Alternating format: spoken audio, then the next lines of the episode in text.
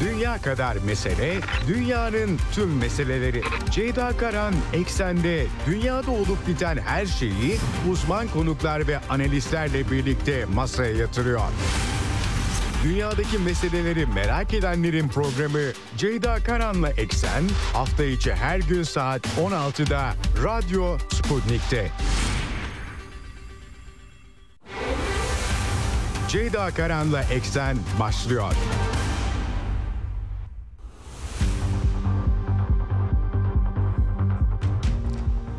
Eksenden merhabalar efendim. Bugün 22 Ocak 2024 günlerden pazartesi dünyadan haberlerle karşınızdayız. Yeni bir haftaya başlıyoruz. Oldukça yüklü bir gündem var. Yine tabii Orta Doğu'da İsrail-Filistin çatışmaları ile ilgili çokça tartışma var size aktaracağım.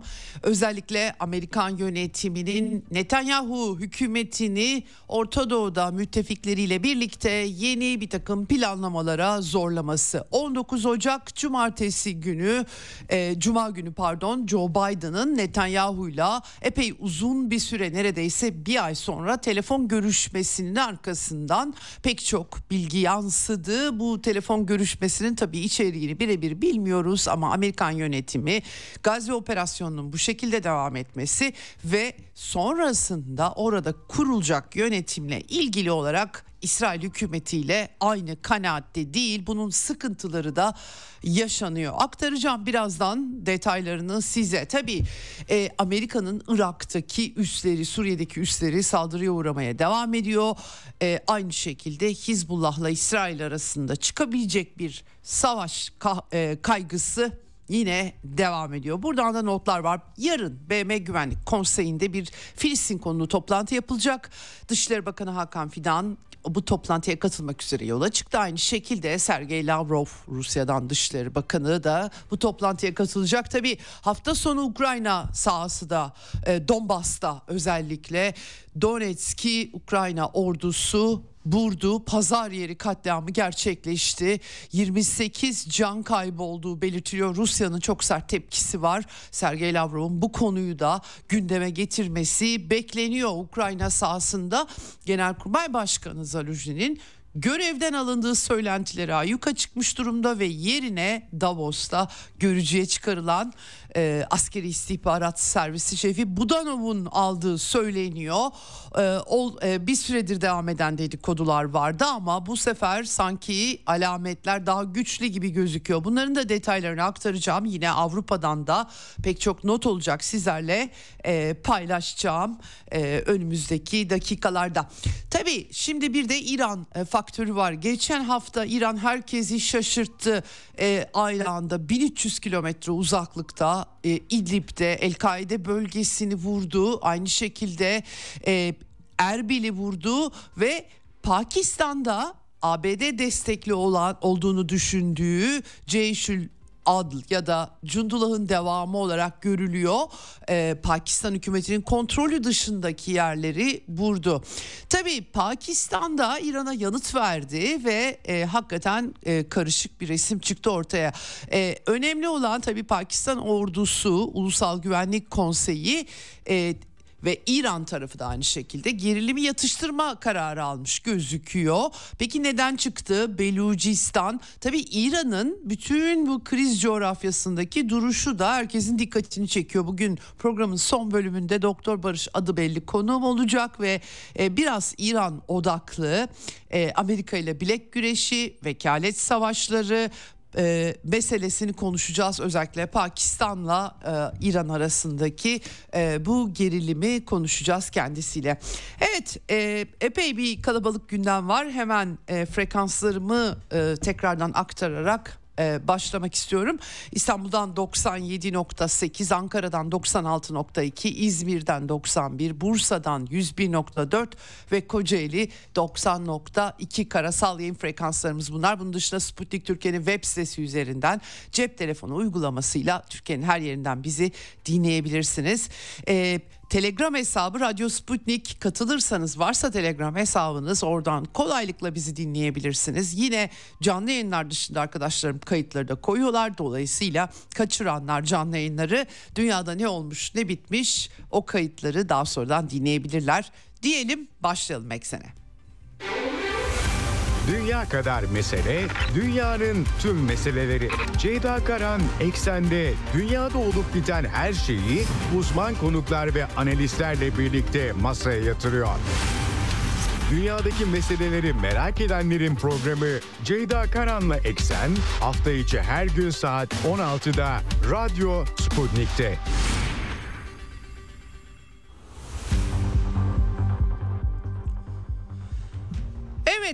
Gazze'de can kaybı artık 25 bini aşmış gözüküyor. Yaralı sayısı da 62 binden fazla olarak ifade ediliyor. İsrail ve Filistin çatışmaları özellikle İsrail'in son günlerde hafta sonunda e, bütün gücüyle karadan havadan Han Yunus Gazze'nin orta şeritlerini hedef alıyor. Filistin Kızılay'ı Han Yunus'taki iletişimlerinin kesildiğini duyurdu. Yine İsrail e, savunma kuvvetleri Han Yunus altındaki tünellerin görüntülerini yayınladılar. Up uzun tünellerde İsrailli rehinelerin tutulduğu e, bilgisi aktarılıyor ama tabii rehinelerden pek bir haber yok.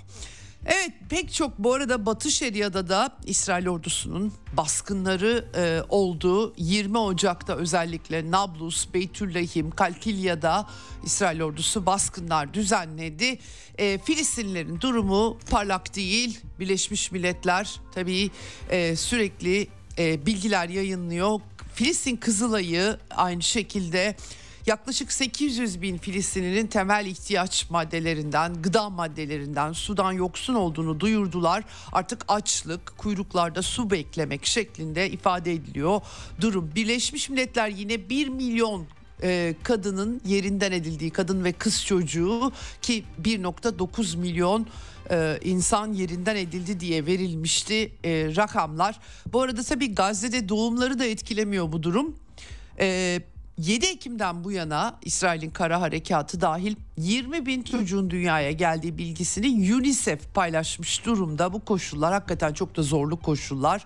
Ee, bunun altını çizmek gerekiyor. Şimdi yarın 23 e, Ocak'ta Birleşmiş Milletler e, e, Güvenlik Konseyi Filistin konulu bir toplantı gerçekleştirecek. Üst düzey bir toplantı olacak bu New York'ta. Sergey Lavrov gidiyor Rusya e, temsilcisi olarak ve burada da e, Lavrov e, Güvenlik Konseyi e, de muhtemelen konuşma yapacak ve Filistin meselesinde kolektif çözümü yeniden başlatılması için kendi önerilerini açıklayacak Hakan Fidan Dışişleri Bakanı aynı şekilde yola çıktı. O da toplantılara katılacak. Tabii ikili görüşmeleri de e, olacak. E, bir yandan İsrail ile ilgili Uluslararası Adalet Divanı'nda açılan soykırım davası var. Güney Afrika'nın öncülük ettiği. Geçen hafta Davos toplantıları vardı. Davos Ekonomi Forumu. Isaac Herzog katıldı İsrail Cumhurbaşkanı ve e, bu arada da tabii geçmişte e, e İsviçre'de e, da e, pek çok e, vakada olduğunu belirterek ki işte bir tanesi e, Gambiya Devlet Başkanı e, Isaac Herzog'un tutuklanması talebiyle başvuruda bulunduğu anlaşılıyor. İşte İsviçre Dışişleri de e, ile konu görüşülüyor. Dokunulmazlık meselesi var tabii geçti gitti ama Batı'da İsrail ile ilgili girişimlerde çeşitli e, kuruluşlar tarafından yapılıyor. Cumhurbaşkanı Erdoğan bu arada e, Netanyahu'yu günümüzün führeri diye nitelendiren bir konuşma yaptı. Tabi Batı ülkelerine çok ağır e, yüklendi. E, artık hiçbir inandırıcılığı kalmadı Batılı ülkelerin faşist yüzleri ortaya çıktı dediği e, bölgemize uçak gemilerini göndererek kim olabilir? Amerika Birleşik Devletleri İsrail yönetimine sınırsız şartsız destek veriyorlar. İnsan hakları, hürriyetler vesaire vahşice çocuklar öldürülüyor e, burgusu yaptı. E, batı'ya yönelik eleştirileri epeyce yükseltmiş gözüküyor. Bu arada e, ilginç bir gelişme hafta sonu Rusya Dışişleri Bakanlığı Uluslararası İlişkiler Hamas'ın Uluslararası İlişkiler Ofisi'nin başkanı Musa Ebu Marzuk başkanlığında bir heyeti kabul etmiş. Ee, Orta Doğu Afrika özel temsilcisi Dışişleri Bakan Yardımcısı Mihail Bogdanov Rusya adına kendisiyle bir araya gelmiş. Ben Kremlin'den bir açıklama görmedim bu konuda ama Hamas açıklaması var. Hamas açıklamasında Rusya'nın diplomatik çabalarının takdirle karşılandığı vurgusu var. Esirlerle ilgili ve İsrail hapishanelerindeki Filistinliler meselesi ve ateşkesin ele alındığı vurgusu var. Ee, Rusya tarafında daha ziyade tabii rehinelerin acilen serbest bırakılması İsrail'i. Bunların arasında 3 Rusya vatandaşı da var.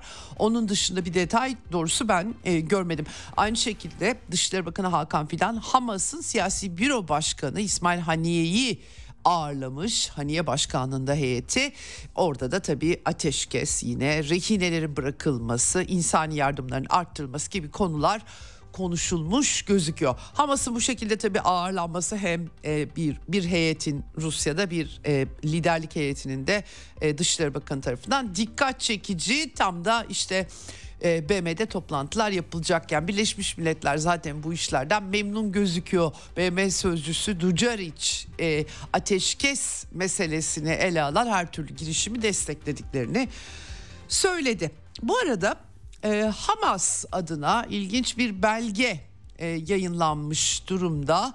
7 Ekim İsrail'e yaptıkları baskınla alakalı bir raporlama Aksa Tufanı raporlaması neden düzenlendi başlıklı bir 16 sayfalık bir bir nevi broşür diyelim. Neden şimdi böyle bir broşüre gerek görülüyor onu bilmedim bilemedim doğrusu. Saldırının nedenleri e, sıralanıyor. Tabii İsrail'in Filistin davasını tasfiye etme, toprakları ele geçirme, Yahudileştirme iddiası. Mescid-i Aksa ve kutsal mekanlar üzerinde tam hakimiyet kurma planlarına karşı koymak, e, ablukanın kaldırılması, ulusal hakları yeniden tesisi, bağımsızlık, kendi kaderini tayin hakkının elde edilmesi ve başkenti Kudüs e, olan bir Filistin devletinin kurulması yolunda atılmış adım. E, ben an, e, yine de anlayamadım neden şimdi çünkü bütün bu sayılanlar yeni bir şey değil bunlar hatta Filistin davası da donduruldu çok uzun bir zaman hiç kimsenin gündeminde bile değildi. E, dolayısıyla Metin neden şimdi sorusuna açıkçası yani bildiğimiz e, Filistin ulusal davası 20. yüzyıldan kalmış bununla ilgili vurgular var ama neden bu operasyon yapıldığının yanıtı metinde doğrusu yok. E, bir tabii dikkat çekici nokta e, 7 Ekim'de bu baskın düzenlenirken bazı hatalar yapılmış olabilir. Çünkü İsrail güvenlik ve askeri yapısı çok aniden çök, çöktü. Hani biz de şaşırdık demeye çalışıyorlar. Kaosta bu etkili olmuş olabilir ve hatalar yapılmış olabilir. Nedir bunlar diye yine sorduğunuzda metinde o da yok tabii ki. Ee, pek izah edici doğrusu ben e, bulmuş değilim. E, bu operasyon niçin hangi e, e, sayıklarla zamanlama olarak neden şimdi düzenlendi? ya da hata yapıldıysa nedir o hatalar? Bunlar belirtiliyor ama nedenleri izah edilmiyor. Ee, tabii burada sivilleri hedef almadığı Hamas'ın e, bunu İsrail kaynaklarının iddia ettiği bağımsız kaynak yok. Siviller tabii çoğu İsrail ordusu ve polisin şaşkınlığı sebebiyetiyle öldü. Yani biz sivilleri öldürmek istemiyorduk diyorlar ama açıkçası bu çok ikna edici değil. Ben pek çok video izledim. E, festival alanındaki tuvaletlerin taranmasından tutun da bir de tabii bebeklerle pozlar yani kundaktaki bebekleri alıp götürdüler yani sonuç itibariyle. Ha şu doğru tabii ki daha sonra ortaya çıktığı İsrail ordusu gerçekten inanılmaz. Dehşetengiz pek çok İsrailli de İsrail ordusunun ateşinde hayatını yitirdiği de ortaya çıktı. Büyük de tepki yarattı İsrail kamuoyunda. Ama yani tabii e, bebekleri alıp götürüyorsanız onlarla da videolar yayınlıyorsanız ve rehine oluyorsa onlar başka bir şey oluyor. Ben benim açıkçası bak genel anlamda baktığım zaman kafamda pek bir şey canlanmış değil ama tabii İsrail'in çok ağır misillevesi dünya kamuoyunda e, Filistin halkının düştüğü durum ve de gerçekten çok ağır. E, İsrail'e pek de sempati bırakmadı. E, bu koşullarda belki böyle bir şey yayınlama ihtiyacı hissetmiş olabilirler. Onu bilemiyorum. Şimdi ee, Avrupa Birliği bu arada Hamas'a karşı e, yeni yaptırımlar planlıyordu. E, AB Dışişleri Bakanları toplantısı yapılacak Brüksel'de. İki devletli çözüm gündemiyle. Yani e, hakikaten bunu e, çözmekte zorlanıyorum. Uluslararası Barış Konferansı'nda herkes zaten hemen hemen aynı şeyi söylüyor da iki devletli çözümü ne İsrail kabul ediyor ne de Hamas kabul ediyor. Dolayısıyla nasıl olacak ben doğrusunu söylemek gerekirse bunları pek çözemiyorum ama genel olarak herkesin dilinde aynı şey var tabii ki. Ee, bağımsız Filistin devletinin kurulması karşılıklı tanıma e, Avrupa Birliği de böyle şeyler Joseph Borrell pek inandırıcı iknacı bir isim de değil uzun süredir kendisi. Netanyahu'ya yönelik e, e, sert eleştirileri oldu. Hamas'ı onlar destekledi diye. Çok basit tabii Netanyahu'nun Hamas'ı desteklemesi. İslam e, uluslararası e, İslam dayanışmasına dayalı Müslüman kardeşlerin kolu olduğu için Hamas e, Hamas'ın liderliğinde Filistinleri zaten devletleşemeyeceğinden yola çıkarak laik Filistin devletini yıpratma amaçlı Hamas'ı destekledi İsrail çünkü kabul etmiyor tabii ki Filistin devletini İsrailliler ya da yan yana yaşayabileceklerini düşünmüyorlar. Bir de aynı topraklarda hak iddiası iki taraftan da yapılıyor. Ee, ama Joseph Borrell tabii e, buradan e, bu e, çok da hepimizin de dikkat çektiği bir şey bu. Bildik bir şey yani Netanyahu'nun Hamas'a yatırım yapmalıyız demeli. Burada asıl soru neden? Neden siyasal İslamcılara yatırım yaptıkları? Peki bunu tartışmak lazım doğrusunu söylemek gerekirse. Siyasi, siyasal İslamcıların bir ulusal kurtuluş mücadelesine belki de liderlik edebileceklerini düşünmediklerinden bilemiyorum ama hani bu konu en azından tartışılmalı gibime geliyor. E, onun dışında tabii Avrupalılar Kızıldeniz için kendileri bir misyon ABD misyonuna da bir kısmı katılıyor ama orası da biraz karışık. Ve tabii Ukrayna meselesi 1 Şubat'ta AB liderlerinin e, ne yapacağız da ne edeceğiz de ki, e, e, Ukrayna'daki savaşı destekleyeceğiz dertleri olduğu için arada bir de Filistin dertleri var. Evet bu arada tabii Netanyahu ile ilgili Batı medyasına ben Batı medyasında yazılıp çizilenlere de analizlere de açıkçası temkinli bakmak yanlısıyım. Çok iyi öngörülerde bulunmuyorlar ee, ve bir takım ajandaları seslendiriyorlar baktığınızda. Dolayısıyla ama ana tema e, Biden yönetiminin Netanyahu ile e, ters düşmesinden hareketle Netanyahu'nun vakti doldu artık. Genel tema bu. Ee, İsrail medyası da bunları yazıyor. E, kim bilir belki de doğru da çıkabilir tabii. İlla iddia etmiyorum ama açıkçası biraz e, İsrail içerisindeki denklemi doğru okuduklarından emin değilim doğrusunu söylemek lazım lazımsa. Şimdi e, Netanyahu'nun savaş kabinesinin çökebileceğini e, Jerusalem Post yazmış. Uçurumlar artıyor demiş. Sonra muhaliflere atıf var. Seçimler 2024'te yapılacak mı belli değil. Ne zaman yapılacak? Erken seçim yapılabilir deniyor. Bu çatışma koşullarında nasıl düzenlerler ben onu doğrusu kestiremiyorum. Likud'un anketlerde kan kaybettiği var. Belki de daha sağcılar daha çok kan kazanırlar sorusunu da kimse sormuyor doğrusu. Likud kaybedip Netanyahu'nun daha aşırı sağcı ortakları da kazanabilir mesela ama kimse bunları fazla akla getirmek istemiyor galiba. E, tabii e, hala 136 civarında e, İsrail'in rehinesi Hamas'ın elinde bunların nasıl askerler var, siviller var, yaşlılar var. E, bunların geri alınamamasının sıkıntıları var. E, Knesset'te sürekli olaylar. Bugün de e, videolarını izledim. E, rehinelerin aileleri tabii doğal olarak sevdiklerine kavuşmak istiyorlar. Sıkıntıda olduğu muhakkak hükümetin e, ve gösterilerde dinmiyor Netanyahu'nun konutunun da önde. Hatta rehine aileleri gelen haberlere bakılırsa Mısır istihbarat yetkilileriyle kendileri görüşme başlamışlar. Yani hükümet İsrail hükümeti bir şey yapamıyor. Hani biz aracılık edelim diye gerçekten e, e, dikkat çekici bu. E, tabii e, e, İsrail içerisinde bir kaynar kazan durum olduğu aşikar. Ama Amerika ile ilişkilere gelirsek bunun tabii Amerika, Amerikan liberal medyası bu işteki bu işte çıkmaz görenlerin belki hakikaten teskin edici tavırları. E, bu bağlamda tabii e, geçen hafta e, gerçekten e, Amerikan yönetimiyle Netanyahu yönetimi arasındaki e, sıkıntılar da gündeme gelmişti. John Kirby e, Beyaz Saray Stratejik İletişim Direktörü e, insani molları desteklediği ligleri ama ateşkesi desteklemiyorlar. Bu Hamas'a yarar diyorlar. Bu konuda hiçbir değişiklik yok Amerika'nın tutumunda. Ee, ama öte yandan da tabii ki Amerikan yönetimi Netanyahu'nun söylemleri yüzünden sıkıntıda. Geçen hafta Netanyahu İsrail nehirden denize kadar tüm bölgeyi kontrol etmeli. Yani Gazze'yi kimseye devretmeyeceğiz vurgusunu üstüne basa basa yapıyor Netanyahu.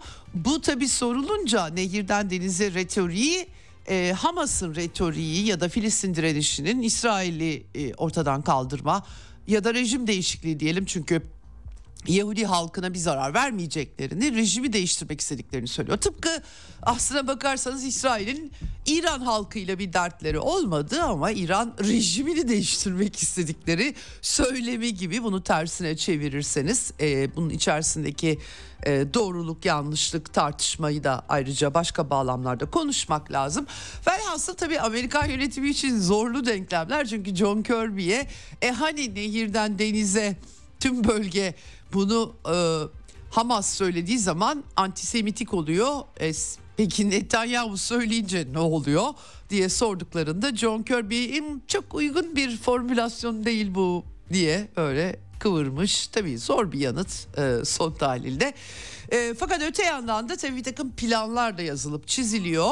Wall Street Journal gazetesi Amerika'nın Mısır ve Katar'dan müttefikleriyle ateşkese İsrail'i zorlayıp oradan e, bir şekilde e, asker çekmesini sağlamaya çalıştıkları Brett e, McGurk Biden'ın Orta Doğu danışmanı temsilcisi Kahire'ye gidiyor. Anlaşılan o ki e, daha fazla bir e, Netanyahu hükümetine e, baskı yapma e, çabaları var ama tabii nasıl yapacaklar orası belli değil. Thomas Friedman'ın yazdıkları e, ilginç tabii e, Amerika'nın e, önde gelen gazetecilerinden iki aşamalı bir süreç üzerinde Amerika'nın çalıştığı Gazze'de bir kısa süreli ateşkes e, yüzden fazla rehineyi İsrail'e iade etmek bunun karşılığında da bir nevi bir idari yönetim Filistinlilerin e, çok uluslu Arap gücü bilemiyorum Mısır'la Ürdün buna nasıl yanaşır ya da Suudi Arabistan ne der ama yani öyle Filistinlileri Hamas vesaire bırakmak değil bir çok uluslu bir güç kurumların oluşturulması Filistin yönetimi falan diye de anmıyorlar. Ee, ama e, bu süreçte de Suudi Arabistan'la İsrail asıl hedef Suudi Arabistan'la İsrail'in uzlaştırılması, normalleşme sürecinin başlatılması ve iki devletli bir çözüme ulaşıldığında da yani zaten bu kendiliğinden bitecek. Amerika'nın bütün derdinin aslında İsrail, Suudi Arabistan normalleşmesi olduğunu anlıyoruz. Yani Gazze falan vesile engel tabii ki. Ee, aynı şekilde belki Hamas'ın yayınladığı bu 16 sayfalık broşürde de zikredilmeyen şey belki e, Suudi Arabistan'la İsrail'in normalleşmesini engellemek hedef ya başka bir e, zamanlamanın neden bugün yapıldığı ve bu şekliyle olduğu konusunda bir izahat çünkü gerçekten çok da gözükmüyor. Davos'ta geçen hafta Suudi Arabistan Dışişleri Bakanı Ferhan e, e, eğer bir e, Filistin devletiyle sonuçlanacak bir anlaşma çıkarsa o zaman biz kesinlikle İsrail ilişkileri normalleştiririz demişti. Burada tabii İsrail yönetimi bir ikilemde bırakılıyor. Bölgeyle normalleşebilmek için Filistinlilere bir devlet vermeleri gerekiyor. Bir nevi hangi tipte emin olmak zor ama e, onu da nasıl yapacakları biraz meçhul. Efendim şimdi e, 27 gün aradan sonra 19 Ocak'ta e, Netanyahu ile Biden, Joe Biden görüştüler. 40 dakika görüşmüşler ve biraz da sıkıntılı geçmiş anladığım kadarıyla basına yansıyan e, o şekilde kalıcı siyasi çözüm ancak iki devletli bir çözümle mümkün bunu iletmiş. E, masum sivilleri koruma e, e, vurgusu e, yapmış. E, büyük miktarda un sevkiyatına e, vurgu yapmış. izin verilmesini memnuniyetle karşılamış. Bu ne kadarı girdi onu da emin olamıyorum. Deniz yoluyla yardım aynı şekilde e, vurgusu var. E, bu yardımın yolları Kıbrıs'la planlanan, Kıbrıs Rum yönetimiyle planlananlar vardı. Ee, ama tabii İsrail medyası başka şeyler, detaylarda yazıyor.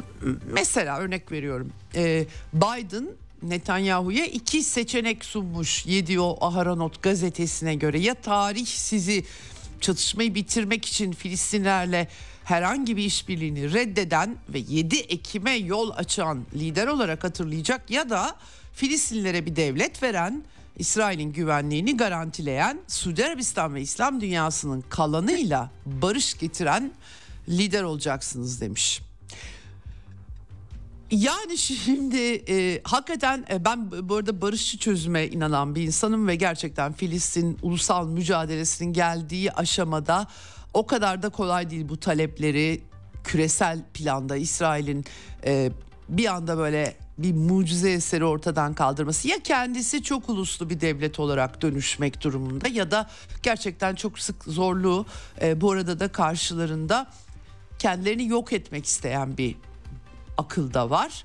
Ee, siz bir kimileri rejim diyebilir, kimileri Yahudi devleti diyebilir. Olgusal olarak söylüyorum. Zorlu bir durum bu ama yani öte yandan da e, bu şekilde e, Filistinlilere bir devlet verelim de güvenliğimizi sağlama alalım e, mantığı daha önce de denenmiş bir mantık. Yeni bir şey yok bunda. Onu 1990'lı yıllar hem de karşılarında siyasal İslamcılar yoktu. Filistin özel yönetimi vardı. Gazze'de liman yapılıyordu. Havaalanına uçaklar inmeye başlamıştı filan ve sonra intihar saldırıları dalgasıyla toprak karşılığı güvenlik mekanizması işlememişti. Ben Filistin davasıyla çok yakın iştigal etmiş bir insan olarak doğrusu bütün bunlara baktığım zaman dejavu hissediyorum e, e, açıkçası. Ama Biden böyle demiş Netanyahu'ya. Netanyahu da e, muhtemelen bıyık altından gülmüştür e, diyeceğim var doğrusunu söylemek gerekirse. E, Biden Netanyahu baştayken Filistin devleti kurulmasının da imkansız olmadığını söylemiş sorular üzerine onu ima ediyor.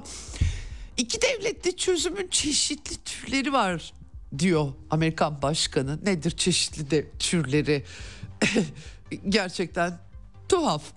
E, dolayısıyla işe yarayabilecek yolları olduğunu düşünüyorum demiş ama Netanyahu'nun yaptığı açıklamalar özellikle CNN Amerikan medyası dedim ya size Amerikan medyası tabii Biden yönetiminin tezlerini e, ve Netanyahu ile karşı karşıya gelmesini işleyen haberlerle dolu. CNN örneğin 18 Ocak'taki Netanyahu'nun basın toplantısında Filistin devletinin kurulma olasılığını dışlama anlamına e, gelmediğini Biden'a iletmiş sözlerini bu nehirden denize vesaire. Yalanladı Başbakanlık ofisi. Yok öyle bir şey. Pozisyon değişmedi diyor. Ee, yani güvenlik kontrolü tamamen İsrail'in elinde olmak durumunda. Ee, dolayısıyla e, Hamas yok edildikten sonra da bu iş yani tabii yok edilirse edilmesi de çok zor. Ee, yani İsrail tarafı gerçekten iki devletli çözümü kabul etmiyor. Bu kadar bunun altını çizmek gerekiyor. Ee, bunları da Netanyahu vurgulamıştı. Aslına bakarsanız e, her ne kadar perde arkasında Biden baskı yapıyor. Netanyahu boyun eğecek. Ha şu olabilir tabii İsrail'de Netanyahu'yu darbeyle devirebilirler. Yerine gelen ne yapacak? Onu da kestirmek doğrusu zor. Ben bu denklemlerin çok zorlandığı kanaatindeyim. Yani somut gerçeklikten yola çıkarak söylüyorum. Yoksa benim şahsi tercihim olan bir şeyden söz etmiyorum doğrusu. Ee, bu arada İsrail kabinesi Gazze'nin payını bir kenara koyup Norveçliler saklayacaklar. Ee, Filistin yönetimine vergi gelirlerinin aktarılmasını onaylamış ama geçen sefer de bir onay çıkmıştı.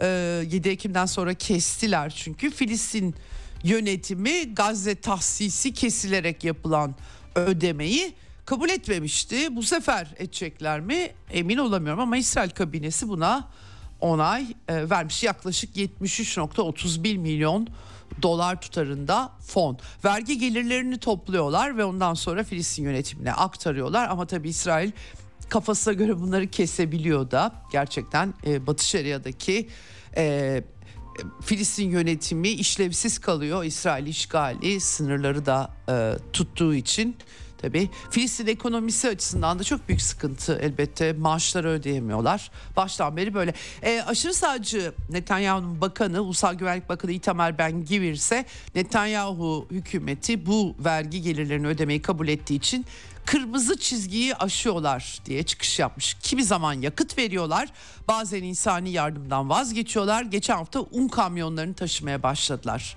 Şimdi de Gazze'den Nazilere e, paranın ulaşmayacağı garantisini vermeyen bir karar alıyorlar. Hamas'ı Nazilerle eş tutuyor Ben Givir. Yahudi halkının yıkımını istediklerini e, tabii Şerif Hüseyinler herhalde onların aklına düştüğü için böyle bir yorum yapıyorlar. Ee, böyle bir e, e, tuhaf bir durum var. E, şimdi e, buradan ne çıkacak tam bilemiyorum ama yine Amerikan medyasında işte kongredeki e, İsrail yanlısı Şahinlerinde Netanyahu'ya güvenlerini yitirdikleri haberleri var. E, NBC vermiş mesela. Birkaç kaynak fısıldamış. Ben emin olamıyorum doğrusu. Netanyahu Amerika'da nüfusu çok güçlü bir lider. Bunun altını çizmek gerekiyor. Evet e, burada İngiltere Savunma Bakanı Grant Shapps son dönemde militarist çıkışlarıyla kendisini tanıyoruz. E, iki devletli çözüm olamayacak demesi çok üzücü Netanyahu'nun. Ee, aynı konuda e, e, hem fikir değiliz ama tabii Netanyahu siyasi kariyeri boyunca fikir değiştirmedi. İsrail'in kendini savunma hakkını destekliyoruz demiş. Yani kenarından kıyısından atlıyorlar zıplıyorlar özetle. Filistin Devlet Başkanlığı Sözcüsü Nebile bu Rudey'de ise yani böyle ABD iki devletli çözümden filan söz etmekten vazgeçsin. Gerçekten adım atacaksa Filistin Devleti'ni tanısın. Evet mesela e, ben de e, Amerika'nın tutumu konusunda bütün kanaatlerim değişebilir. Tek taraflı olarak tanısın Amerika Filistin Devleti'ni. Mesela e, Mahmut Abbas liderliğinde örnek veriyorum. Ee, yani bu konudan bahsetmek yerine doğrudan tabii BM'de zaten belirli bir üye olmayan ülke statüsü var. Amerika tanırsa belki İsrail üzerinde farklı bir etkisi olabilir. Bakalım onu da yapabilecek durumda olduklarını pek zannetmiyorum. Hamas'ın siyasi büro üyesi İzzet El Rişk ise biz kendi devletimizi kendimiz kurarız dedi. Ee, Biden böyle Filistin devleti modellerinden bahsediyor. İllüzyon yapıyor. Soykırımın zaten tam teşekküllü destekçisi, suç ortağı demiş. Binlerce şehit ve yaralı verdikten sonra Filistin halkı olması gerektiği gibi özgürce ve onurlu bir şekilde yaşayacağı kendi devletini kendisi kuracaktır. Evet ama tabii genellikle devletler zafer ile kuruluyor. Bunu hatırlamak gerekiyor. Doğru e, eğer silahlı mücadele İsrail'i yenerse o zaman e, tabii ki kurabilecekleri açık aşina herhalde onu kastediyor.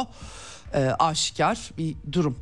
Evet e, İsrail bu arada e, hafta sonunda Suriye başkenti Şam'ı hedef aldı. Dört üst düzey İran danışmanı öldürüldüğü iddiası var. Mezze bölgesi de Suriye başkentinin gerçekten göbeğinde olan bir bölge.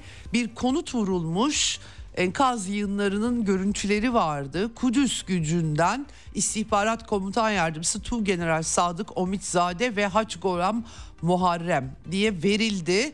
E, bu İsrail'in suikast siyasetine devam ettiğinin göstergesi gerçi ben doğrulama görmedim ama o bina o şekilde başka nasıl vurulabilir? Aynı şekilde Lübnan'daki Hizbullah hareketiyle de İsrail arasında atışma devam ediyor. E, e, saldırılar devam ediyor diyelim.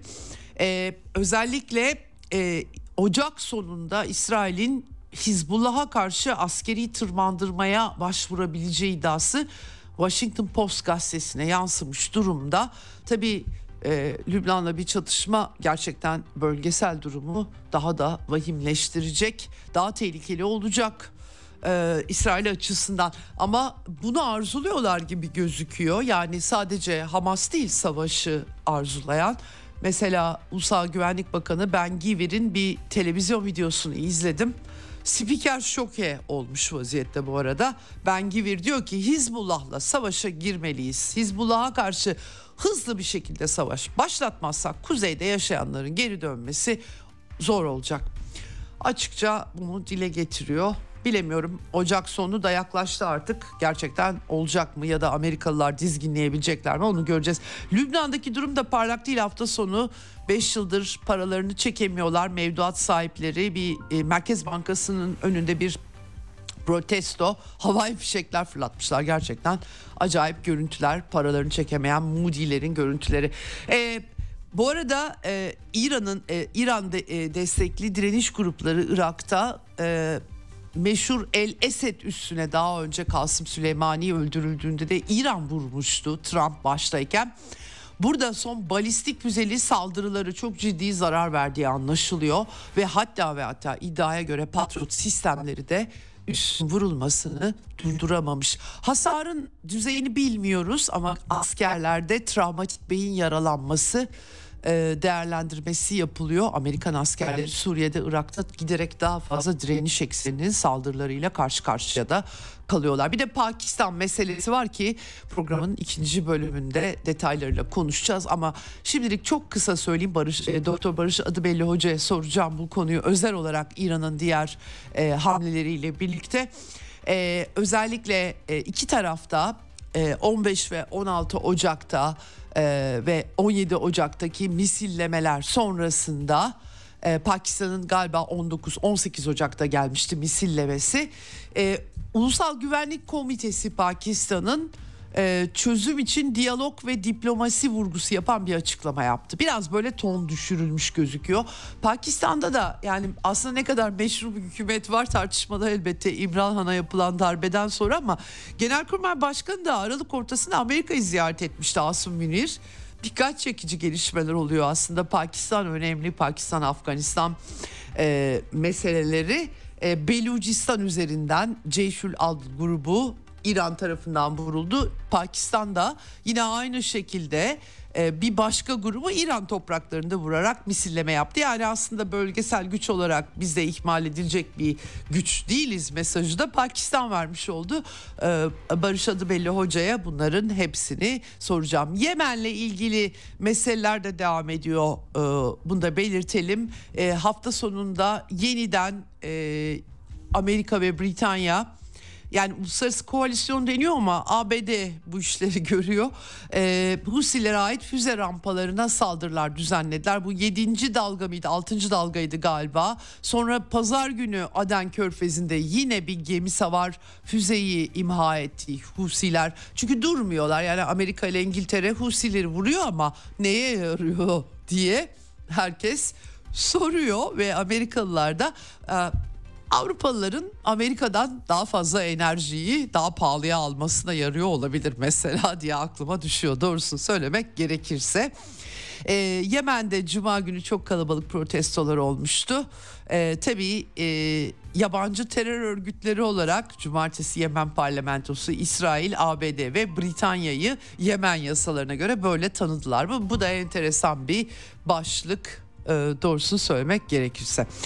Evet şimdi e, bölgeden bir iki tane not daha aktaracağım. Mısır'da e, e, El Daba, Daba nükleer santrali dördüncü güç ünitesi beton dökme töreni.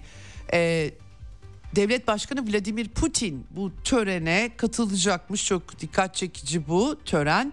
E, Mısır'a anladığım kadarıyla e, nasıl katılacak bizzat mı gidecek yoksa video ile mi katılacak bunu açıkçası görmedim ama Mısır'ın ilk nükleer güç santrali olacak. Bir de Türkiye'ye de ziyaret edebileceği söyleniyor Vladimir Putin'in ama zamanına dair henüz bir bilgilendirme yok. Ee, belki bir 12 12 Şubat tarihi olabilir. Türk medyasında böyle yazıyor. Rusya kaynaklarından henüz bir doğrulamada olduğunu olmadığını belirtmem gerekiyor. Ee, tabii Suudi Arabistan'da bu arada nükleer enerjiye sahip olmak e, kararlılığında e, Dışişleri Bakanı'nın vurguladığı bir durum. Orta Doğu'da pek çok e, değişiklik Bakalım 2024'te başka neler göreceğiz, nelerin tartışıldığını göreceğiz. Daha yeni yıla yeni başladık. Bir de Amerika'sı var bu işin. Donald Trump Amerika'da ön seçimlerde 23 e, Ocak'ta da e, New Hampshire ön seçimi var. Bakalım sandıkta neler olacak ama şimdiden e, batılı liberalleri bir telaş almış durumda. Ekonomist dergisi kapağına Trump kazandı dikkatli olun diyerek yanan bir dolar görüntüsü e, koymuş durumda. Tabii Trump hemen ilk iş olarak Ukrayna'daki çatışmaları durduracağını göreve başlamadan sorun çözeceğini söylüyor. Bu korkunç savaşı ABD başkanı olarak göreve başlamadan çözeceğiz diyor. Ee, önemli e, bütün jeopolitik dengeleri değiştirdi. Joe Biden'ın takıntıları hakikaten ve çok sayıda insanın hayatını yitirmesine yol açtı. Rusya Federasyonu'nun e, Aralık 2021'de hem NATO'ya hem ABD'ye e, Avrupa'nın güvenlik mimarisiyle ilgili anlaşma taslaklarını ellerinin tersiyle iterek çatışmaları başlattılar. Şimdi Dimitri Kuleba'nın bizim biz kanımızı dökeriz siz bize yeter ki silah ve para verin e, açıklamalarını gördükçe doğrusu şok oluyorum. Gerçekten böyle bir yönetici e, hiçbir e, halkın başına gelmesin. Kendi halkının kanını bu şekilde dökmeye hevesli bir yönetici başkalarından para alıp silah alıp. E bu arada e, Trump dedim ama e, Florida valisi Ron DeSantis 2024 başkanlık seçimi aday adaylığından çekilmiş efendim. Kendisi çok bir ara bir ara gözdeydi. Yıldız diye bakılıyordu ama doğrusu e, çok sönük bir isim. Ben e, bir ara seçilecek diye e, Cumhuriyetçiler adına endişelenmiştim. Çok Cumhuriyetçilerle ideolojik bir yakınlığım da yok ama gerçekten hiç liderlikle ilgili e, yanları olan birisi değil. Tabii diyeceksiniz ki Nikki Haley e, Trump'la yarışırsa vallahi çok fena. yani kadın paso sallıyor. ya bütün Amerikan başkanları e, hep Trump'ı Joe Biden'ı da gördük de yani Nikki Haley tabii başka bir e, vaka. DeSantis de çekilmiş artık yani Tabii New Hampshire seçimlerine bakmak lazım. Elon Musk bu arada sosyal medya platformu X'in eski ismiyle Twitter'ın sahibi, Tesla, e, SpaceX'in sahibi. E, Joe Biden'a oy vermeyeceğim demiş CN, CNBC'de yayınlanan e, röportajda hayal bile edemiyorum bu kez demiş. Valla doğru söylüyor. Adam her yerde savaş çıkarttı. Amerika'yı rezil etti. Yani bilemiyorum içeride işte biraz ha tabii sosyal demokrat canım diyorlar Joe Biden için. Bilemiyorum. Demokratı da e, tam olarak ne değiştiriyor kesintilerle 3-5 bir şeyler attılar. Evet şimdi Ukrayna sahasında Ukrayna ordusunun durumu e, gerçekten parlak gözükmüyor. Avdiivka'da e, batılı bir takım uzmanlar, objektif uzmanlar dahil olmak üzere çemberin kapandığı bir durum var. Hatta e, askeri kanal Dima e, güneybatısında Avdiivka'nın e, Rusya birliklerinin e, ilerledikleri e, ve e, e, ele geçirdikleri belli yerleri, yerleşim yerlerini başka etrafında da çember daralıyor. E, lojistik hat zorlanıyor. İki hafta önce Zelenski gitti denmişti. Hatta çok cesurca bir hareketti hakikaten ama gerçekten gitti mi diye insanın aklına doğrusu düşüyor. Hatlar kırılıyor anladığım kadarıyla. Bütün cephe hatlarında çok uzun bir cephe hattı var Donbas e, bölgesinde ve sınırlarında. E, dolayısıyla Krinki'de Dinyeper Irmağı boyunca bir köprü başı tutuldu diye heyecan yapılmıştı ama Financial Times gazetesi askerlerle konuşmuş ve durumlarının ne kadar vahim olduğunu kendileri anlatıyorlar. Rusya güçleri çok ağır kayıplar verdi diyorlar ama benim gözlemim sadece e, e, askeri kanallara da dayandırarak düşünüyorum bunları. E, Rusya gereksiz yere asker kaybı vermemeye çalışıyor. Gerekirse alanları geri çekiliyorlar. Ukrayna ordusunun tam tersine Ukrayna sürekli olarak insan öğütme makinesine dönüştü Ukrayna ordusu. Dolayısıyla tam e, katılamıyorum Financial Times'ta e, vurgulananlara. E, Raybar Rusya güçlerinin Avdiivka'nın içlerine doğru ilerlediği çok önemli bir yer. Donetsk, Donbas Fici bir savaşta 2014 darbesinden sonra Rusları ve Rusça konuşanları yok etmek için buradan vurulmuştu Mariinka ile birlikte. Dolayısıyla çok önemli. Vugledar'la birlikte yine e, cephede. Mikael Walters'ın iyi bir e, analist doğrusunu söylemek gerekirse mutlaka onun Twitter hesabına bakın. Ben de takip ediyorum uzun zamandır. O Avdiivka'daki durumu özetleyen e, e, ve doğru kaynakları takip ettiğini defalarca ben gördüm. E, aktarımlar yapıyor e, gerçekten Ee, öyle hemen birkaç gün içerisinde çok büyük müstahkem bir mevki haline getirilmiş durumda. Mariinka'da aynı şekilde e, ilerlemeleri var. E, böyle bir çerçeve var. Rusya Savunma Bakanlığı daha muhafazakar açıklamalar yapıyor elbette. Almanya'da üretilen Iris-T sistemlerinden e, yok ettikleri İHA'lar, Ukrayna İHA'ları da tabii ki Rusya'ya da Rusya'ya zarar veriyor. Bunu da belirtmek gerekiyor ama hava savunması birçoğunu avlasa da aşanlar oluyor. Hafta sonu asıl mesele Donetsk'teki katliam oldu. Ukrayna ordusu. E, Donetsk pazar yerinde e, en az e, 25'ten de ama 28 diye görüyorum sayıyı belki daha da artar. E, e, insan hayatını yitirdi bu pazar yerinde. Pa, e, tıpkı Yugoslavya'da Batı medyası o zaman o kadar ortalık e, o kadar çok üzerinde durmuştu. Şimdi iki satır bile doğru düzgün haber yapmıyorlar. E, 28 kişi e, hayatını yitirdi. 20 kişi en az yaralandı. Ukrayna ordusunun 152 ve 155 milimetre kalibrelik topçu ateşiyle bölgeyi vurduğu belirtiliyor. Açıklamalar var bu katliamla ilgili. Ee, devam da ediyor bu. Ee, doğrusunu söylemek gerekirse yeni yeni bir şey değil. 30 Aralık'ta da Rusya'nın Belgorod şehrine rastgele fırlatılmıştı ve yine orada da çok büyük can kayıpları olmuştu. Videolar korkunçtu gerçekten.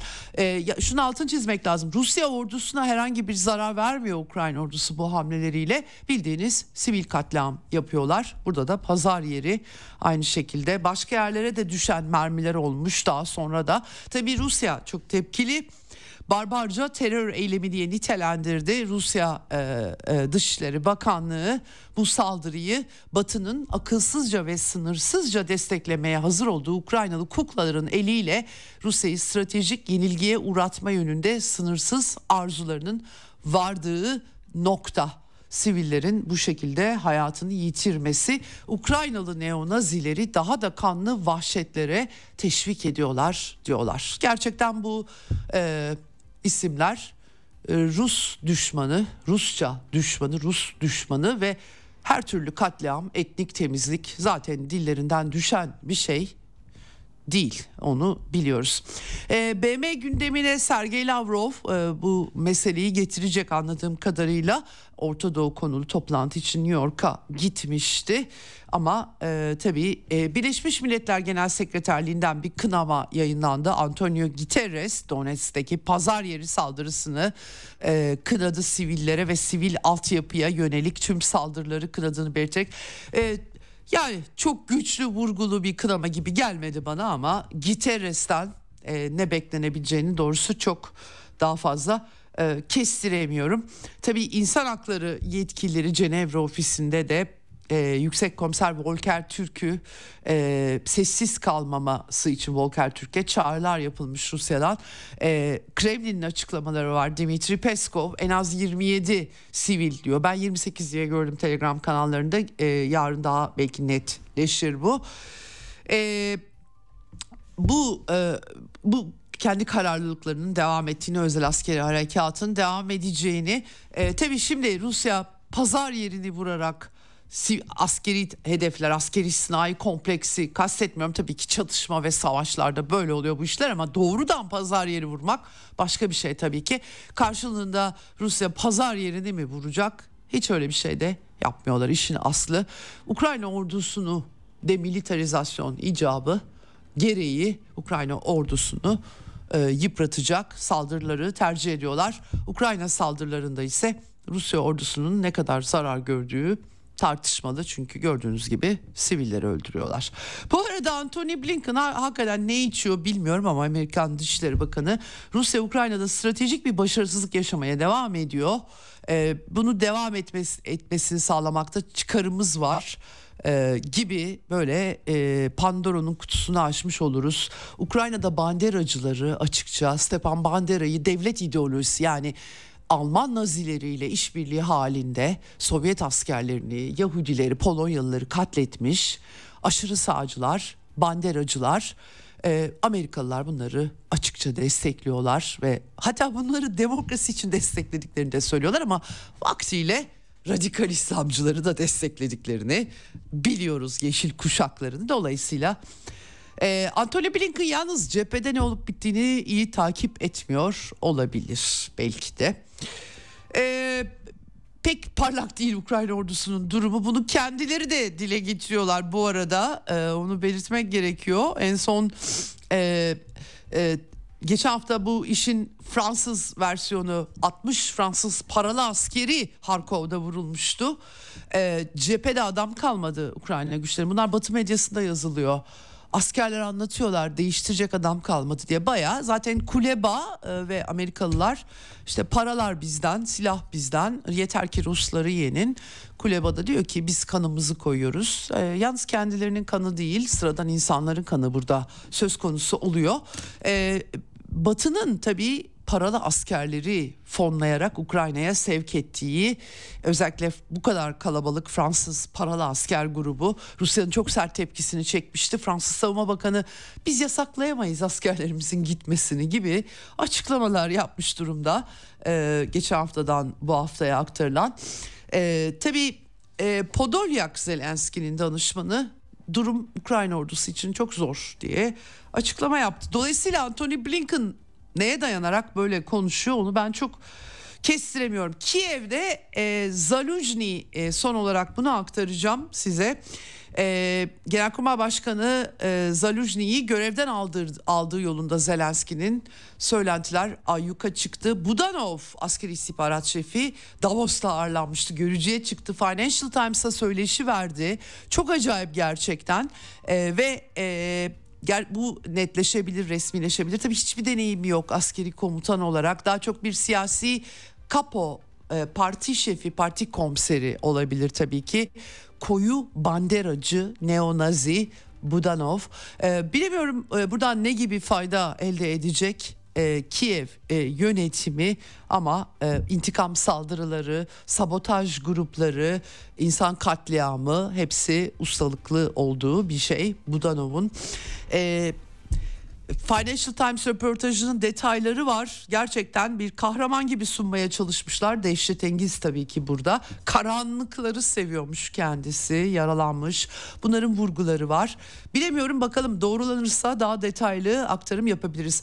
Bugün e, bir parça e, nefesleneceğim ben. Bir müzik arası veriyoruz. Az sonra Doktor Barış adı belli ile burada olacağız. Bizden ayrılmayın. Ceyda Karan'la Eksen devam edecek.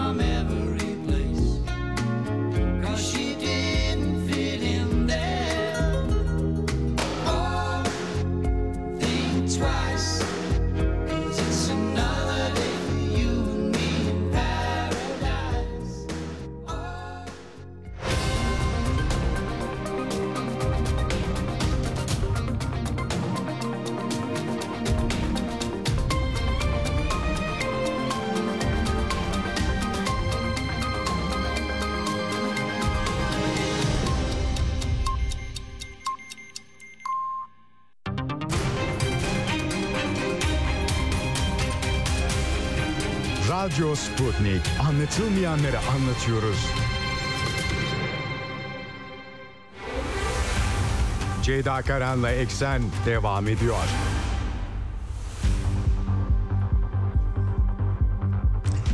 Evet Eksen'in son bölümündeyiz. Telefon hattımızın diğer ucunda Doktor adı Barış adı belli var. Hoş geldiniz hocam yayınımıza. Hoş bulduk efendim yayınlar diliyorum. Çok teşekkür ediyorum Barış Hocam. Ee, şimdi geçen hafta hakikaten İran İran sürpriziyle karşı karşıya kaldık. İsrail-Filistin çatışmaları pek çok tartışma eşliğinde devam ediyor. Amerikan yönetiminin işte Netanyahu'yu e, bir şekilde büyük bir anlaşmaya zorladığı e, ama öte yandan da İran'a yönelik e, çatışmanın dallanıp budaklanması sadece Hizbullah değil işte Kızıldeniz cephesi derken bir de Pakistan denkleme girdi. İran herkesi şaşırttı doğrusunu söylemek gerekirse. Hem Erbil'i vurdular hem e, e, İdlib'i vurdular hem e, Pakistan ordusunun kontrolü dışında e, Cundullah'ın devamı gördükleri biraz Amerika'yı da arkasına görüyorlar. E, bölgeyi vurdular. Bir parça denklem karıştı. Önce genel durumu size sormak istiyorum. Ardından e, daha detay soracaklarım var ama e, resim nasıl e, görüyorsunuz e, önümüzdeki resmi siz? Yani sizinle e, daha önce de konuştuk.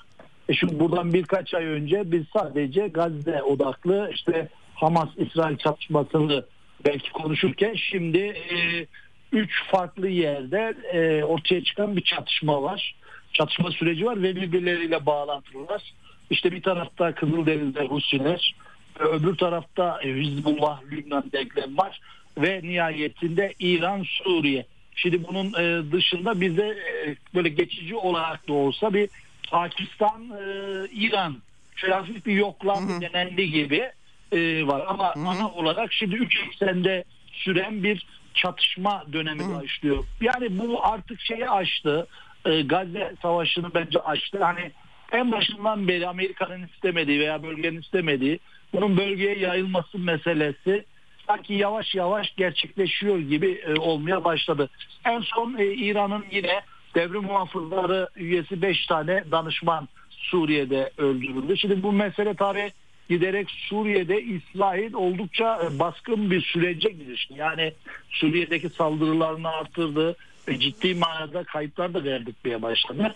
E, dolayısıyla şimdi İran'ın da buna yönelik e, Birleşmiş Milletler Anlaşması'nın 51. maddesi meşhur. Yani misilleme ve meşru müdafaa, müdafaa hakkı veriyor. E, bu haklarını kullanıyor, kullandı. Şimdi dolayısıyla e, bu, bu, bu süreç bu süreç e, biraz önce de bahsettik artık Gazze'yi açtı. Şimdi kimse artık Gazze'yi konuşmuyor. Dikkat ediyorsanız ya Kızıldeniz'e Evet. odaklandı. Evet. İşte geçen hafta tamamen İran merkezli bir sürece baktık. E, dolayısıyla şimdi e, burada e, aslında Netanyahu'nun başından beri istediği bir süreçte gerçekleşiyor gibi ve ısrarla da Netanyahu bakın barış planlarını reddediyor. En son iki devletli formülü de reddetti. Yine bir e, Hamas'ın teklifi vardı Arap dünyası tarafından.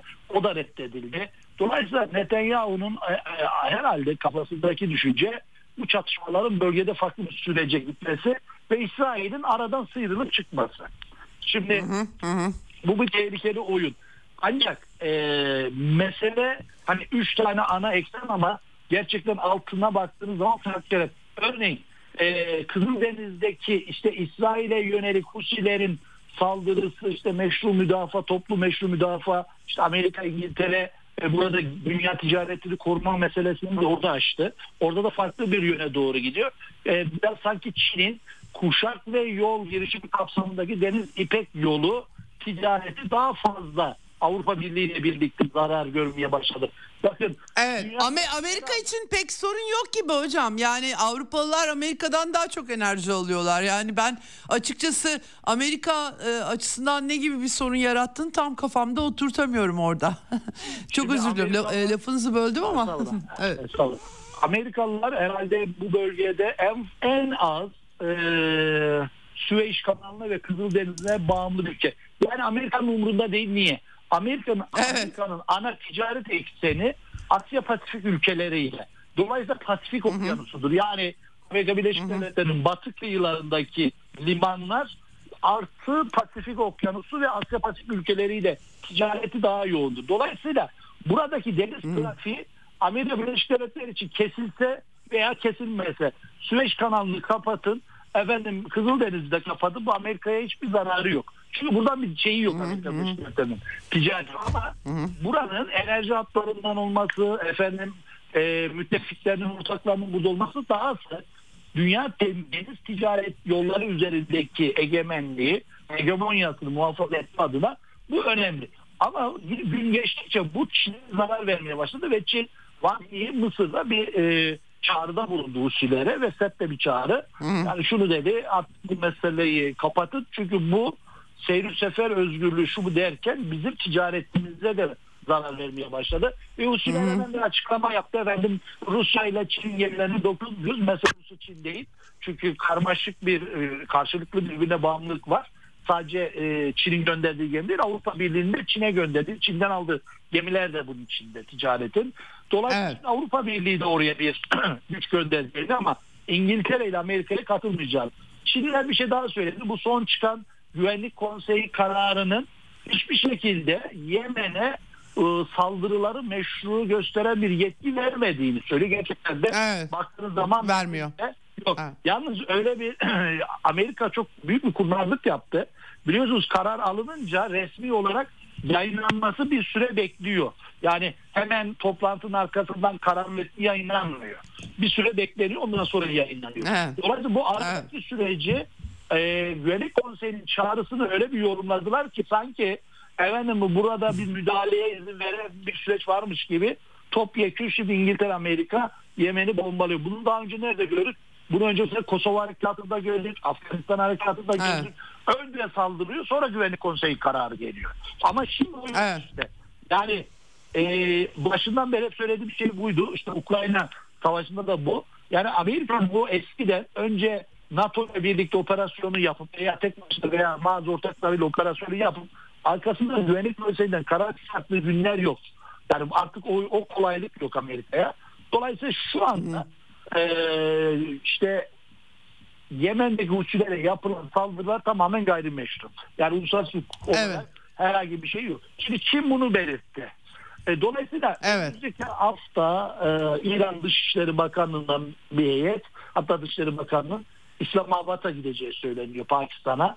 Yani biraz daldan dala ama e, zamanı şey Yok yok hocam tabii şimdi biz bunları tartışıyoruz. Gerçekten bunlar önemli başlıklar. Yani genel çerçeveyi bilmek lazım.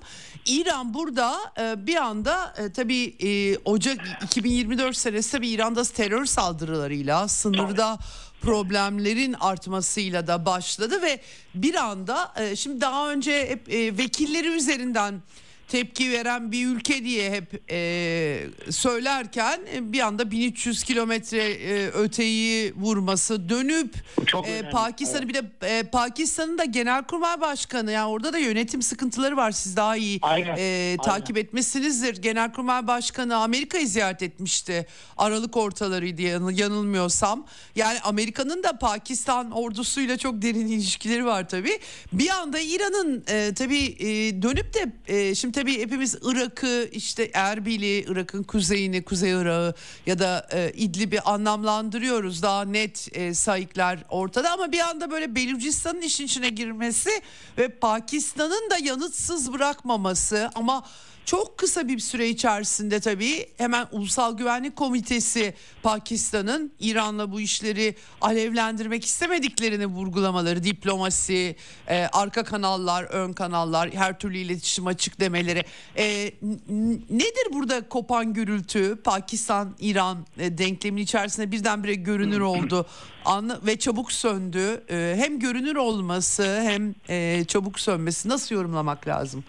Şimdi birincisi İran meseleyle ilgili hassasiyetimizi Pakistan'a söyledik diyor daha önceden. Hmm, hmm. Fakat şimdi ha. bu Belucistan, Belucistan coğrafyası tabii çok karmaşık bir coğrafya. Bir kısmı İran'da bir kısmı e, Pakistan'da. İngiltere'nin işte Hindistan'ın ve Pakistan'ın bağımsızlığı ayrılığından sonra hediye ettiği bir coğrafya. Ama bu tarihte de zaman zaman Belucistan bölgesi bağımsız olmuş. En son 1947'den evet. sonra bir küçük bağımsızlığı var. Şimdi işin ilginç yanı Pakistan'da kendi topraklarındaki militanlarla ilgili İran'a e, bazı endişelerini de getiriyor. Karşılıklı bir e, aslında bilek güreşi var burada.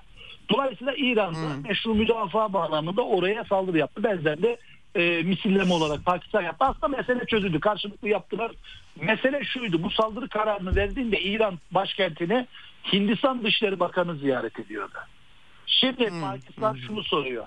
Bizdeki terör hedeflerini, kampların adresini Hindistanlı verdi. İstihbaratlı verdi. Yani şunu biliyoruz. Belucistan'ın Pakistan tarafındaki gruplara Hindistan gizli servisinin destek verdiği, İran'ın da dolaylı destek verdiği de bir. Şimdi işin ilginç yanı ikisinin başına bela olan bir bölge var. Sınırın Pakistan tarafındakine İran Hindistan'la dolaylı destek verdiği iddia ediliyor. Bu tarafta İran tarafında da Pakistan'ın destek verdiği iddia ediliyor. Topyekun Belucistan'ın ikisi hem İran hem Pakistan'a karşı. Yani karmaşık bir olay var. Oradaki bakın hatırlatın hmm. Lal, Lal, Lal Mescidi olayı vardı geçmişlerde. evet, evet. Hatırlayın lütfen. evet, evet, evet, evet. Ya neler oldu neler şimdi uzun konuşulmaz. Şimdi burada bu dini medreseleri şundan finansmanını Suudi Arabistan gerçekleştiriyor. Dolayısıyla hı çok e, ilginç bir nokta. Yani Cundullah ve Ceşul Adil ikisi de aynı örgüt ki bunların başı evet. yakalandı, idam edildi İran tarafında. Şimdi bunun e, işi Torasan'la bakın bu, hep sizinle konuştuğumuzda söyledim. İşi Torasan diye bir örgüt var Afganistan'da neydi belirsiz hayalet bir örgüt olduğu da söyleniliyor. Orada bir takım kampların olduğu söyleniyor. Suriye'de sahada yakalanan bütün militanlar veya öteki unsurlar Amerika tarafından orada eğitiliyor. Çin sınırından da. Şimdi dolayısıyla bu yani Afganistan'da Taliban'ın müdahale şey pardon e, şeyin evet Taliban'ın ve öteki yapıların müdahale etmediği bir yapı bu. Uzak duruyorlar. Taliban edemiyor. Şimdi hmm. hmm. burada bunun bunun arkasındaki güç bilinmiyor. Bir şey çok güzel söylediniz. Pakistan'da durum kötü. Zaten seçimlere gidiliyor. Şunu unutmayalım Ceyda Hanım. Pakistan'da gerçek evet. yönetici güç ordudur. Pakistan ordusu evet. esas perdenin evet. arkasındaki yönetendir. Ordunun zaten biliyorsunuz 1950'den bu tarafa ordunun yönü Amerika'dır, batıdır. Özellikle o yeşil kuşak şeyde ve ordu hiçbir zaman evet. çizgisinden sapmadı. Bakın bütün darbeler meşru görülmüştür Amerika tarafından. Başbakan idam evet. etmişlerdir, sıkıntı olmamıştır. Başka bir şey söylüyorum. Biraz yerli milliyim dedi. İmran Han hemen tasfiye edildi. Evet. Ama dahası evet. Londra'dan Nawaz Şerif getirildi. Bakın dikkat edelim lütfen. Londra'dan Nawaz Şerif getirildi. Üzerindeki yasak, yargı, mahkumiyet bu cezalar kaldırıldı. Şimdi seçime girecek. Şimdi Nawaz, Nawaz Şerif'in Batı ile olan ilişkileri böyle çok ilginçtir. Yani Batı ile iyi Londra'da yaşıyor ama öbür taraftan da böyle bir İslami hassasiyeti yüksek e, bu gruplara el altından destek verdiği söylenen bir lider. Onun için önümüzdeki dönem sanki Amerika Birleşik Devletleri'nin Pakistan politikasında da önemli değişiklikler olacak. Dikkat edin siz de söylediniz Genelkurmay Başkanı nerede? Genelkurmay Başkanı efendim Amerika'daydı. Hatırlar mısınız İmran Han Moskova ziyaret etmişti Ukrayna operasyonuna destek evet. verirken aynı dönemde Pakistan'ın Genelkurmay Başkanı Avrupa Birliği'nden şu çağrı e, orayı da sonra şu çağrıda bulundu. Derhal Rusya Ukrayna'dan çıkmalı. Yani bakın hükümet ayrı bir şey söylüyor Pakistan'da ordu ayrı evet. bir şey söylüyor. Onun için bu çok önemli. Ben e, dinleyicilerimize şunu söylüyorum. Orduyu takip edelim. Çünkü şu anda bir e, kaos Pakistan'da var. Yine ordunun adı geçmeye başladı. E, dolayısıyla ben önümüzdeki dönem özellikle ordu üzerinden Amerika Birleşik Devletleri'nin yeniden Pakistan'da ilişkilerini e, saflarını sıklaştırmaya başlayacağını bunu bir yoklama bu çok tehlikeli bir oyun. Çünkü Pakistan nükleer bir güç. Yani gerçekten İran'a ama İran e, Çin'le Rusya çok büyük bir tepki koydu. Dediler ki ne yapıyorsunuz? Siz Şangay İşbirliği Örgütü'nün üyelerisiniz. E, kendinize evet. gelin ve bu, bu noktada biraz şey düştü. Ama ben de diyorum ki yani bu noktada sanki Şangay İşbirliği Örgütü'nün içindeki o şeyle ya burada yine ben hep Rusya'ya atıfta bulunuyorum yazılarımda da hep bunu yazdım. Rusya zamanında şunu söyledi. Dedi ki biz de Şangay İşbirliği Örgütü'nü genişletmeyelim, derinleştirelim. Çünkü genişlemenin hmm. ne derece sıkıntılı olduğunu biliyor bu ülkeler. Biz genişletmeyelim, hmm. bu altı üyeyle devam edelim ama örgütü güçlendirelim, derinleştirelim. Hani daha güçlü olsun hatta bir caydırıcı güç olarak bir askeri adil müdahale, işte doğal afetlere müdahale bu tip bir yapıda kuralım içinde. E, terörle mücadele birimini güçlendirelim. Fakat tabii Çin genişletmekten yanaydı. Daha geç ama e, tıpkı Avrupa Birliği'nin Kıbrıs sorununda yaptığı gibi e, Pakistan'la Hindistan arasındaki sorunları çözmeden, e, Pakistan'la İran arasında mezhepsel sıkıntıları çözmeden, işte başka ülkelerin başka problemleri bunlar çözülmeden bunları için aldığı için şimdi Şangay İşbirliği Örgütü'nün biraz başı ağrıyacak önümüzdeki günlerde. Çünkü temel felsefesi Hocam, Cenab evet. Şunu bir söyleyeyim. Temel felsefesi Buyurun buyurun tabii. tabii. İran'la İran şimdi bakın Şangay İşbirliği Örgütü anlaşması diyor ki iki üye ülke arasında bir bu tip sıkıntı çıktığı zaman anlaşmazlık askeri problemi çıktığı zaman önce diyalog mekanizması üstünde örgüt üzerinden bir mekanizması var. Oraya danışılacak diyor. Şangay İşbirliği Örgütü'nün ruhu buydu. Yani birbirinizle konuşmadan önce bize haber verin. Bunu biz çözelim. Siz birbirinize girmedin. Evet. Şimdi bunu atladılar. Dolayısıyla Çin'le Rusya bu, bu noktada biraz tepkili. O zaman Şangay İşbirliği Örgütü'ne niye üye oldunuz? Biz bunu niye kurduk? Buyurun.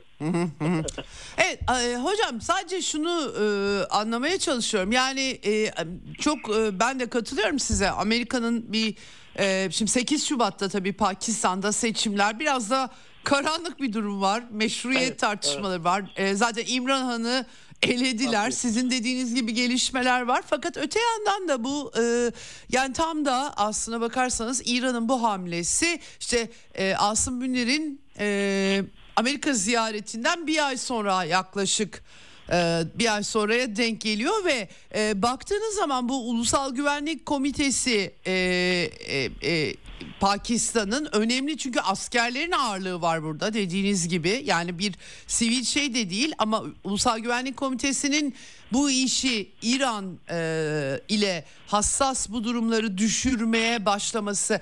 Amerikan stratejisinin belki bu kez o kadar da kolay işlemeyeceğinin işareti sayılabilir mi? Ya da bunun arkasında bir Çin faktörü e, Rusya faktörü düşünülebilir mi? Çünkü daha da alevlenebilecek bir e, potansiyel taşıyor. Yani Pakistan'ın tümüyle bir e, şey olarak çünkü vaktiyle George W. Bush'un taş devrini çevirme Pakistan'ı tehditlerini de hatırlıyorum ben. Yani hep netameli tabii Ziya Hak'tan beri de e, ordunun doğrultusu ortada ama sanki bir, bir parçada bir şey varmış gibi yani daha da düşürmediler, e, yükseltmediler tırmanmayı ve e, hatta belki Amerikalı kimi yorumcular da biraz hayal kırıklığı yaşamış gibi hani biraz daha belki İran Pakistan gerilimi bekliyormuş gibi ama öyle de olmadı.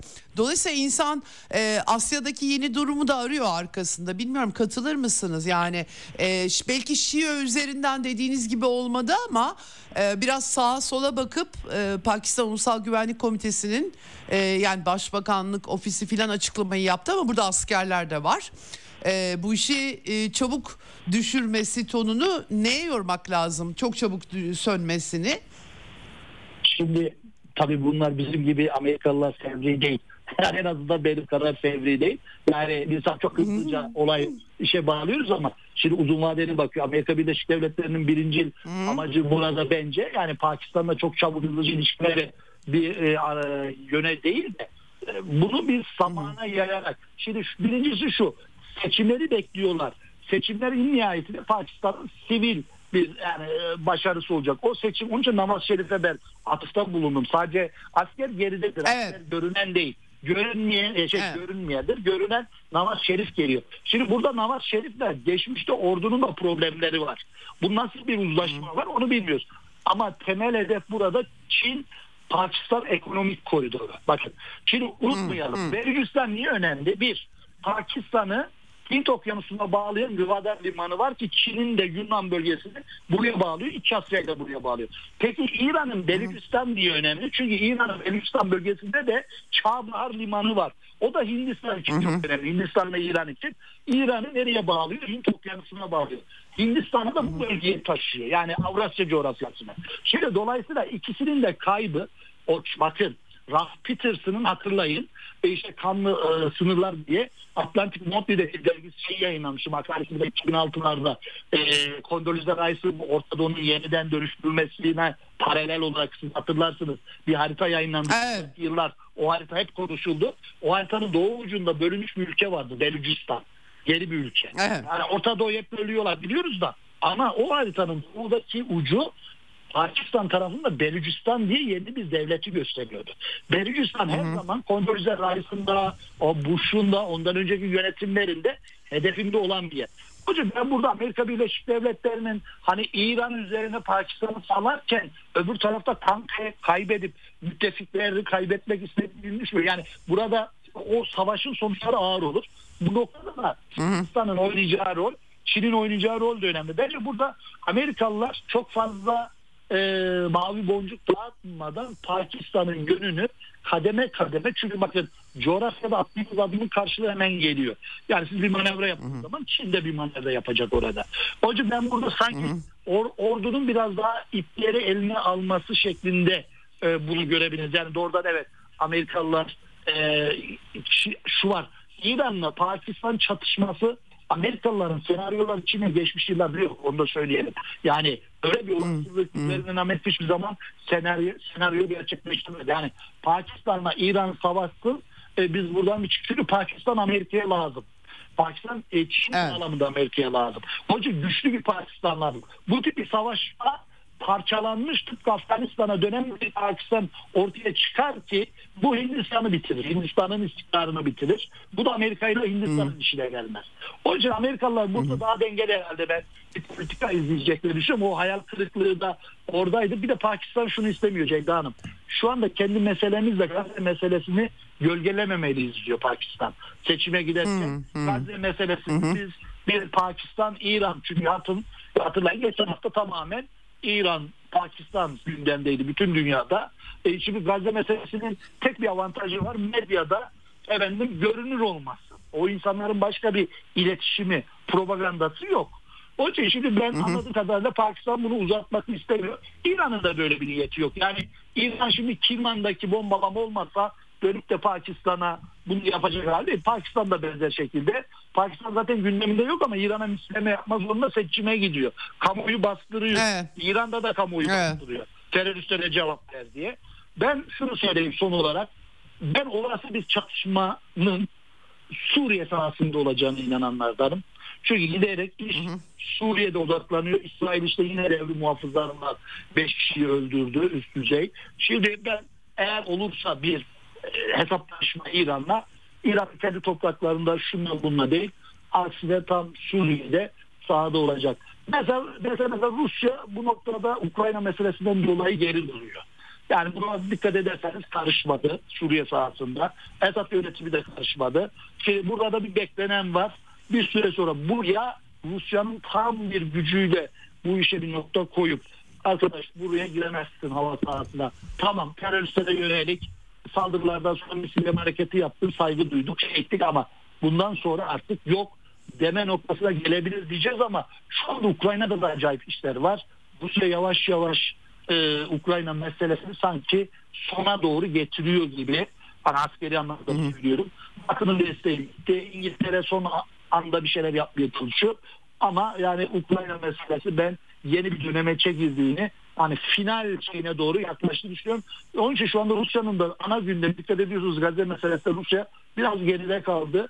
Bütün şeyiyle Ukrayna'ya yükleniyor ama biz tabi o tarafa bakmadığımız için meselenin o boyutu bize biraz zayıf gibi geliyor. O için ben evet, ben ben her gün bakıyorum hocam. ben her gün Hayır, bakıyorum, anlatıyorum her gün. Ben, evet, ben evet. derken kendimi kastetmiyorum. Şey kamuoyu. Evet, yok tabii. Hani o tarafa kamuoyu doğru, ha, doğru. Fazla yani, bakılmıyor. Şey, doğru söylüyorsunuz. Evet. Sanki Ukrayna meselesi bitmiş, orada hiçbir şey olmuyormuş gibi bir izlenim var. Halbuki evet. karşılıklı çok büyük e, gelişmeler var. E, onun için ben şimdi evet. meselenin sanki Suriye Kızıldeniz arasında olacak gibi. Yani bu barışa mı gider? şey ama şunu söyleyeyim Netanyahu'nun keyfi yerinde. Yani bu şey evet. genişledikçe cephe genişledikçe Netanyahu'nun keyfi yerinde hatta Netanyahu artık 2025'e selam çakmaya başladı. E şimdi Trump da geliyor. Evet. Desantis çekildi. Netanyahu'nun hayali şu. Yani ben diyor eğer 2024'ten 25'e ulaşabilirsem Trump'a elimi uzatabilirsem Trump da benim elimi tutarsa ben bu işe sıyrılırım ben bundan çıkar giderim diyor. Şimdi hayali bu nasıl uzatılır onu düşünüyor. O bakacağız. Evet. Yani bu da sürekli bir tehdit üreten bir durum yani o bölge için. Evet. Ha, şunu da ee, Orta Doğu'da pardon. Evet. Yani şey e, yani İran'la Pakistan yarın yeni bir gelişmeye adım atmasının anlamına da gelmesin. Şimdi bu yorumumda çıkan şey değil. Çünkü siz de biraz önce söylediniz o Asya Asya 2024'te Asya Pasifik hani 2024 Asya Pasifik olacak Kuzey Koresi Tayvan'ı biz gene Hint Pasifik'in ekseninde söyledik ama bunu gerçekten ana karada da yani eğer bugün bu başladıysa bu yarın bambaşka bir şeye dönme imkanı var. Ve şunu söyleyeyim sözünüzü kestim Ceyda Hanım. Yo estağfurullah. Afganistan'ı anlamadan bu işi çözemeyeceğiz biz. Hala evet. anlamadık. Taliban'la ne üzerine anlaştı Amerika? Ne sözler verildi? O gizli anlaşmada ne var? Taliban'a niye verdi? Niye eliyle kurdu devleti yıktı? Orduyu tasfiye etti. iki buçuk trilyon para harcadı. Orada işi Torasan'ı niye bekletiyor? Niye Taliban müdahale etmiyor? Yani biz bunları daha anlamadık, anlamlandıramadık. Biz burayı çözmeden Amerika'nın ana karada Asya'da yapacağı planları da çözmemiz çok zor. Evet. Çok teşekkür ediyorum. Önemli noktalara işaret ettiniz. Gerçekten hem resim olarak hem Pakistan-İran bağlamında hem Amerikan politikaları bağlamında bilemediklerimiz dehalarından mı kaynaklanıyor yoksa zafiyetlerinden mi? Onu göreceğiz birlikte. Çok teşekkür ediyorum hocam. Süremizi doldurduk birazcık ama e, epey bir ufuk turu yapmış olduk. Çok sağ olun. Ağzınıza sağlık. Güzel kolay gelsin. Selamlar. Evet Doktor Barış Adıveli ile konuştuk. Gerçekten Pakistan-İran meselesi bir anda alevlendi, pat diye söndürüldü. Böyle gider mi, gitmez mi? Biraz e, perde arkasında aktörlerin pozisyonlarını e, koyarak yerli yerine oturtarak anlamaya çalıştık. Tabii pek çok gelişme beklemek lazım bu cepheden de ama e, denklemden ne çıkacak henüz bilmiyoruz. Hep beraber göreceğiz. Bugünlük bu kadar. Yarın yine dünyadan haberlerle görüşmek üzere. Hoşçakalın. Ceyda Karan'la Eksen sona erdi. Dünya kadar mesele, dünyanın tüm meseleleri. Ceyda Karan Eksen'de dünyada olup biten her şeyi uzman konuklar ve analistlerle birlikte masaya yatırıyor. Dünyadaki meseleleri merak edenlerin programı Ceyda Karan'la Eksen hafta içi her gün saat 16'da Radyo Sputnik'te.